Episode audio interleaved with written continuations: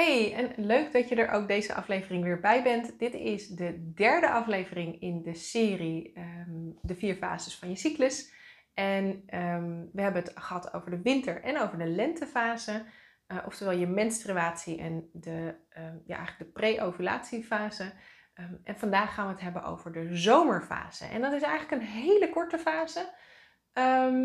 maar wel een, over, het, over het algemeen voor de meeste vrouwen een hele fijne fase. En eentje waar je ook echt ehm, ja, heel veel uit kan halen op het moment dat je dus ehm, in de juiste energie zit en in de juiste energie uh, je leven inricht, om het zo maar te zeggen.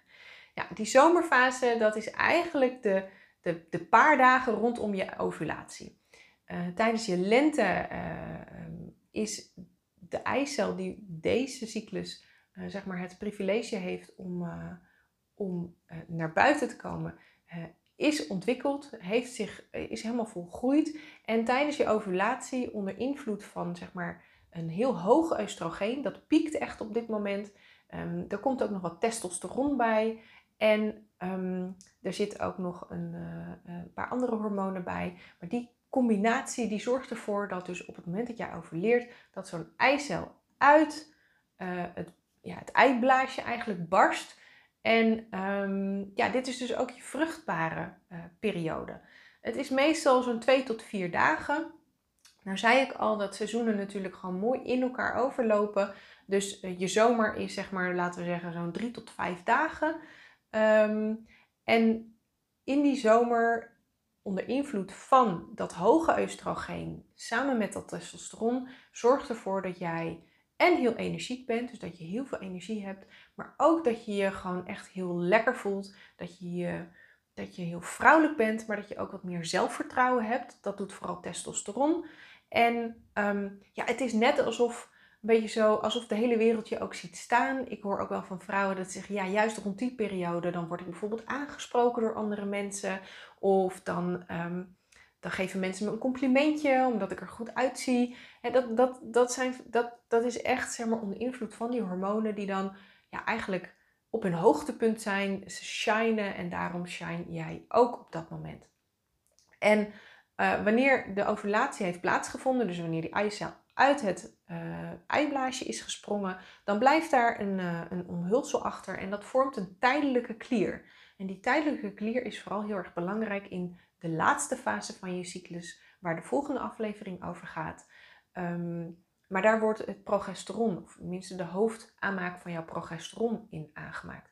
Op het moment dat je dus niet ovuleert, om wat voor reden dan ook, dan betekent dat dat je dus uh, ook de grootste bron van jouw progesteronaanmaak uh, verliest. Dat je die niet hebt. En dat kan uh, eventueel problemen opleveren in dus die laatste fase van je cyclus, waar we het later over gaan hebben. Maar nu over die zomer. Het is dus een fase waarin jij eigenlijk gewoon het lekkerst in je vel zit, uh, waarin je het meeste zelfvertrouwen hebt, het meeste lef hebt. En um, dat maakt ook dat je, uh, je bent ook veel meer gericht op anderen, want dit is natuurlijk biologisch gezien, is dit de, het moment om um, zwanger te raken, om voort te planten. En dat maakt dus dat je veel meer gericht bent op de ander, dat je veel meer op zoek bent naar contact, dat je veel flirteriger bent en dat je dus ook een soort van aura hebt uh, wat uitstraalt van uh, kom maar. En um, ja, dat, klinkt misschien een beetje gek, maar wij worden toch nog grotendeels eigenlijk voor, de, ja, voor zo'n 95% um, ehm, geleid door onze biologie. Ook al denken we dat, we uh, dat ons brein veel sterker is, maar dat is niet zo. En dit principe, hoewel het al honderden duizenden jaren oud is, werkt eigenlijk nog steeds hetzelfde. Dus dit is ook zo'n moment waarop je waarschijnlijk merkt dat je libido bijvoorbeeld veel hoger is. Of dat je um, ja, echt heel erg veel zin hebt om met anderen af te spreken, om, om je onder de mensen te begeven, om naar feestjes te gaan en dat soort dingen. Um, als je dan kijkt naar, naar voeding, hè, wat, dan zie je dat juist door die energie en doordat je zo druk bent en doordat je zoveel leuke dingen aan het doen bent, dat het nog wel eens kan gebeuren dat je niet zoveel trek hebt of dat je maaltijden overslaat. En dat lijkt op dat moment niet zo erg, want je kan het aan, de energie is er. Maar ook dat kan later in je cyclus wel weer voor problemen zorgen. Ik zou je dus ook tijdens deze fase wel willen aanraden om te blijven eten. En als je dan kijkt naar het soort voeding dat je, dat je dan het beste kan eten, dan is dit eigenlijk de enige fase in je cyclus waarin koud of rauw voedsel ehm, wel wat meer op de voorgrond mag zijn. Uh, koud en rauw voedsel is wat lastiger te verteren voor ons. Daar moet je lichaam harder voor werken. Dat kost dus meer energie. En um, nou, die energie heb je tijdens deze fase. Dus je kan wat vaker denken aan een salade. Of uh, je kan ook bijvoorbeeld um, wat minder warm drinken, maar iets kouder drinken. En ook daar is het weer een beetje afhankelijk van zowel je eigen uh, innerlijke seizoen als het seizoen om je heen. Denk maar eens aan de zomer in de natuur. Dan is het warm. Dan heb je ook veel minder behoefte aan hele warme dingen of hele zware maaltijden. En um, kies je liever voor de lichtere varianten, zoals een salade of um, misschien wat eh, kip of vis in plaats van um, rundvlees. Hè. Dus dat zijn, er zijn allerlei. Ook eten heeft een energetische lading en het doet ook iets met ons, uh, met ons eigen gestel. Dus uh, ga er ook eens wat meer op letten van als je dan in die zomerfase zit. Waar, waar heb je dan wel zin in en waar heb je dan geen zin in? Uh, wat valt lekker en wat valt minder lekker? En dan zul je zien dat het ook tijdens deze fase waarschijnlijk de wat meer lichte maaltijden zijn. Um, en als je nou wel merkt dat je tijdens deze fase moe bent, of dat bijvoorbeeld uh, een salade niet zo lekker op je maag ligt, doe het dan ook vooral niet. Blijf altijd luisteren naar je eigen lichaam.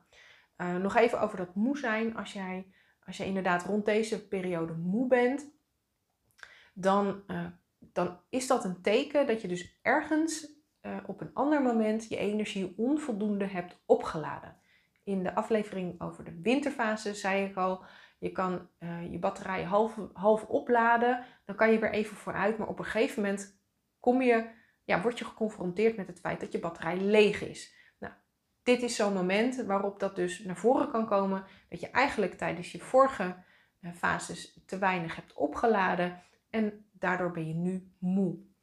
Wat ik ook wel vaker hoor, van vrouwen is dat ze juist net na hun ovulatie een soort van dip hebben.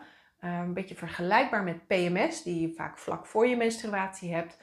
Uh, waarin ze een beetje zagrijnig zijn niet lekker in hun vel zitten. Eigenlijk helemaal geen zin hebben in mensen om hen heen. En dat komt doordat uh, vlak na je ovulatie oestrogeen en testosteron flink dalen. maar je progesteron nog niet voldoende um, is opgebouwd om, om zeg maar, dat verschil op te heffen. Uh, dat is vaak één of twee dagen dat je je inderdaad zo kan voelen. Um, voor sommigen, ja, is dat nou eenmaal zo. Hè? Er zit waarschijnlijk een genetisch component achter. Maar ervaring leert wel dat hoe meer jij in lijn leeft met je eigen bioritme, met je cyclus dus, um, hoe minder last je daarvan hebt.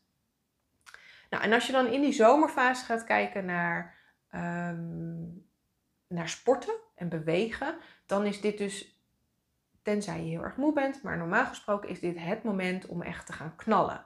Uh, om persoonlijke records te verbeteren.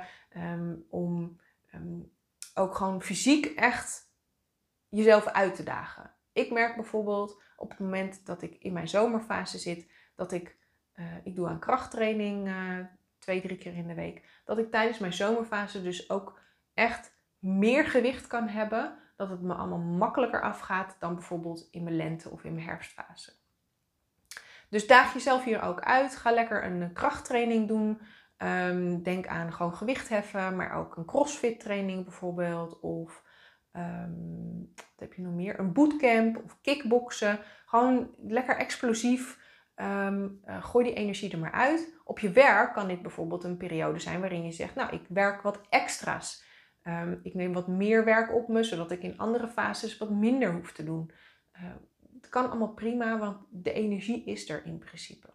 Nou, en als je dan kijkt naar je relatie met je partner en je kinderen, of je vrienden of je familie, dan is dit een, um, een heel mooi moment om gewoon echt leuke dingen te blijven doen. Maar je, je probleemoplossend vermogen en je communicatievermogen zijn ook gewoon veel groter tijdens deze fase. Dus is er een probleem binnen je team, binnen, uh, met je collega's of misschien met je partner of kinderen, dan is dit het moment om dat aan te pakken en daarover met elkaar in gesprek te gaan.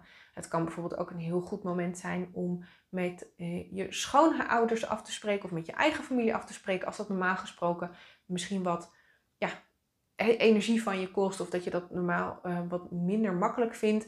Uh, schuif het dan lekker naar deze fase van je cyclus, want dan heb je daar minder last van. wat ik al zei, je libido is hoger, dus zorg ook dat je daar in de slaapkamer gebruik van maakt. zij het in je eentje, zij het met je partner. Ehm, maar laat het lekker stromen, want ook um, orgasmes, maar uh, intiem contact, huid op huid contact, dat werkt allemaal um, in op onze hormoonhuishouding, maar ook onze gezondheid. Dus uh, dat zijn hele normale, biologisch natuurlijke dingen die, ja, die gewoon bij ons horen en die je dus kunnen helpen in, ja, in je gezondheid hoog houden. Um, dit was de zomerfase, de derde fase van je cyclus. En uh, in de volgende aflevering gaan we het hebben over je herfstfase. Dat is misschien voor heel veel vrouwen de minst prettige fase. Maar ik heb zeker een aantal tips die je uh, kan toepassen, waardoor die fase uh, veel minder vervelend wordt. en waardoor je juist het voordeel ervan kan, kan plukken. mocht je nou toch nog vragen hebben over deze aflevering of over een van de andere uit de serie, stuur me een berichtje. Mijn gegevens staan dus onder deze aflevering. En je kan me ook altijd volgen op Instagram, op Ellen underscore. En daar deel ik ook dagelijks leuke inzichten, tips en uh, praktische dingen hoe ik dat ook zelf doe. Dankjewel voor het kijken weer en tot de volgende aflevering.